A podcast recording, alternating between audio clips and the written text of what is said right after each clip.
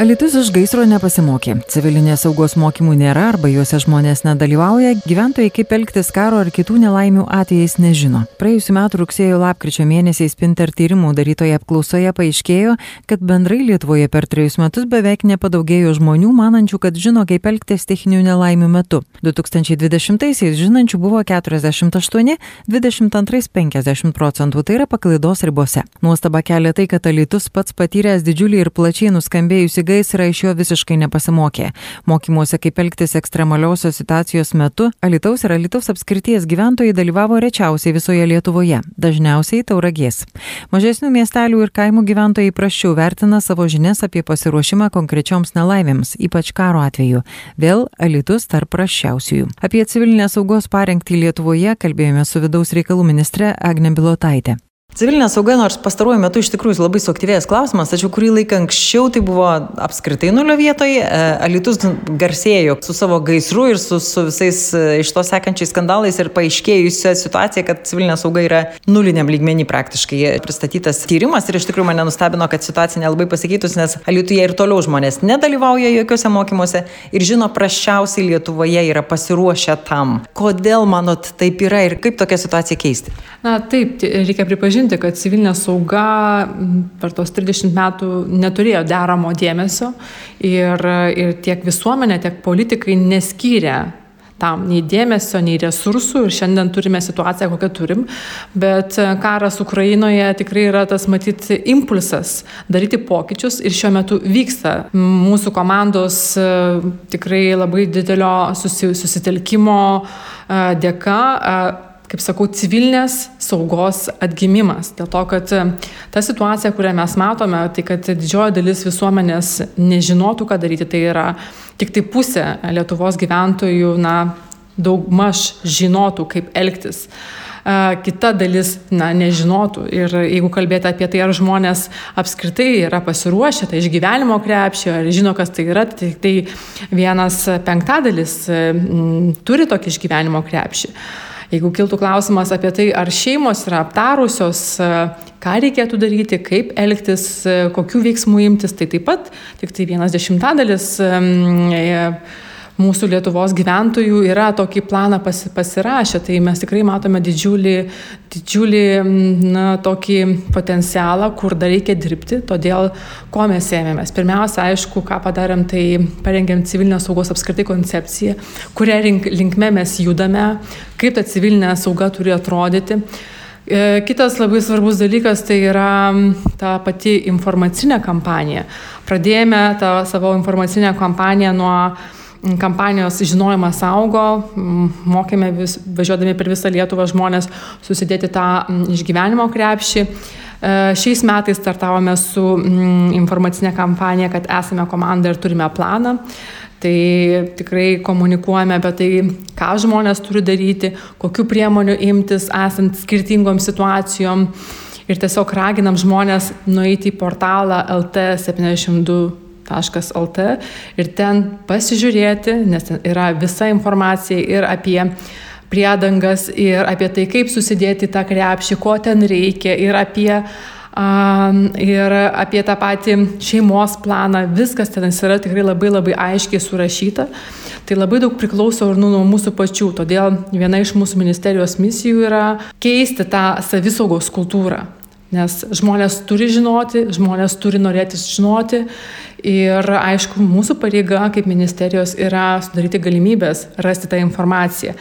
Kitas dalykas, aišku, yra švietimas per mokyklas. Šiuo metu ruošiame kartu su Švietimo ir mokslo ministerija pamokas moksleiviams apie civilinę saugą ir tai tikrai turėtų taip pat prisidėti tuo, prie to didesnio visuomenės žinojimo. Na, kalbant apie kitus dalykus, tai sužymėjome visas priedangas kokio lygio jos yra, kaip, kaip jos atrodo? Pirmiausia, reikėtų labai aiškiai skirti du dalykus. Kas tai yra priedanga? Priedanga tai yra vieta, kur asmuo trumpą laiką galėtų pabūti, pasislėpti saugiai, esant oro pavojui.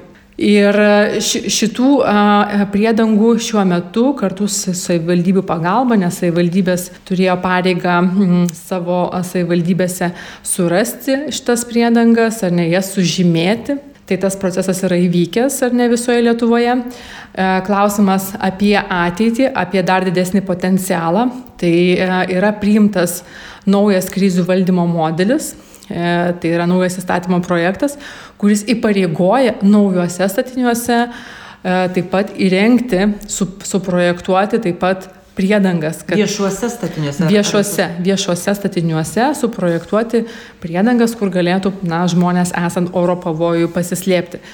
Tai tikrai nesustosime čia, toliau, toliau judėsime, nes mūsų tikrai yra tikslas, kad kuo didesnė visuomenės dalis galėtų na, pasislėpti esant pavojų, žinotų galų gale, kur šalia jų yra ta vadinama priedanga, kur jie gali saugiai saugiai su savo šeima, su savo artimaisiais rasti, rasti prieglobstį. E, apie tas priedangas, kiek man teko pastebėti pasižiūrėjus e, Lietuvos mieste, pavyzdžiui, tai paprastai yra švietimo įstaigos. Ar, ar toks principas, ar, ar kaip vis dėlto? Ne, tiesiog, tiesiog, tiesiog yra du, dvi grupės statinių, tai yra kolektyvinės apsaugos statiniai. Tai yra statiniai, kuriuose esant kažkokiam kitokiom situacijom, na, tarkim, nesant oro pavojui, bet kažkokiai nutikus ekstremaliai situacijai žmonės galėtų išgyventi tam tikrą laiką. E, tose vietose turi būti ir vandens, ir maisto atsargos, medikamentai, tuo turi pasirūpinti savivaldybės. E, bet šitose vietose nebūtinai yra galimybė apsisaugoti nuo oro pavojaus. Nuo oro pavojaus galima pasi, pasislėpti priedangose, tai yra, na, turinčios mm, kitokią paskirtį ir e, kitokius kriterijus. Tai e, kriterijai buvo sudėlioti, savivaldybės turėjo pagal tos kriterijus savo teritorijoje apžiūrėti esamus statinius, galbūt e, pasižiūrėti, kokia jų būklė ir tada įvertinus, kad jie atitinka, jie yra pažymėti dabar šiuo metu. Ko tikėtis, atsakot, atgimimas civilinės saugos, ar ne? Kaip dabar aš galiu jaustis saugus ir kaip, kaip, kaip gauti visą informaciją, kaip man žinoti, kas, kas čia yra tas atsakingas ir kaip, kaip galų gale kaip bus užtikrinta, nes labai viskas priklauso nuo savivaldybių požiūrio, ar ne? Arba, jo, arba, arba savivaldybė rūpinasi tuo, arba ne. Čia iš principo viskas yra taip dabar. Tai darbą turėtų pradėti jau artimiausių metų parengties pareigūnai, tiek savivaldos lygmenių, tiek, tiek nacionalinių lygmenių, kurių bus būtent užduotis darbas su tokiom situacijom, su ekstremaliom situacijom, žmonių informavimas ir jie būtent bus už tai atsakingi. Ir taip pat darbą pradėjo nacionalinis um, krizių valdymo centras, kuris skirtingai nuo ankstesnės situacijos atsirandanti tokia koordinuojanti institucija, kuri kiekvieną dieną monitorina situaciją, stebi situaciją, tai yra žmonės, kurie yra tam dedikuoti ir esant e, kažkokiai tai e, situacijai, kai yra gaunama informacija, šito centro veikla yra būtent užtikrinti informacijos paskleidimą, žmonių informavimą ir, ir apskritai institucijų traukimą į tos krizės valdymą ir problemų sprendimą. E, kas yra dar labai svarbu pažymėti, Tai, kaip sakau, priedangos. Dabar mes turime apie 1800 priedangų visoje Lietuvoje ir mes turime toliau keliauti į priekį, kad tas skaičius auktų ir tikrai dabar tam ieškome ir europinio finansavimo mm, galimybių tam, kad, kad įrengti e, priedangas, nes tai yra brangu. Ir žinoma, ieškome dar potencialių vietų, tarkim, mūsų objektuose dabar, dabar esančiose, kur dar galėtų būti rengtos tokios priedangos. Ir kitas dalykas labai svarbus tai yra visuomenės švietimas, savisaugos kultūra, kad kviečiu visus gyventojus tiesiog nueiti į tinklalapį LT72 ir susižinoti visą informaciją, pasiskaityti, pasidomėti.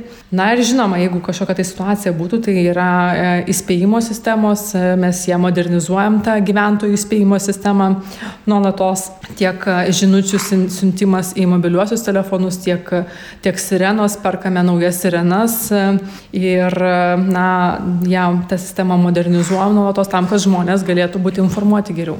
Vidaus reikalų ministrė Agnė Bilotaitė kalbino Vilija Kvedaraitė.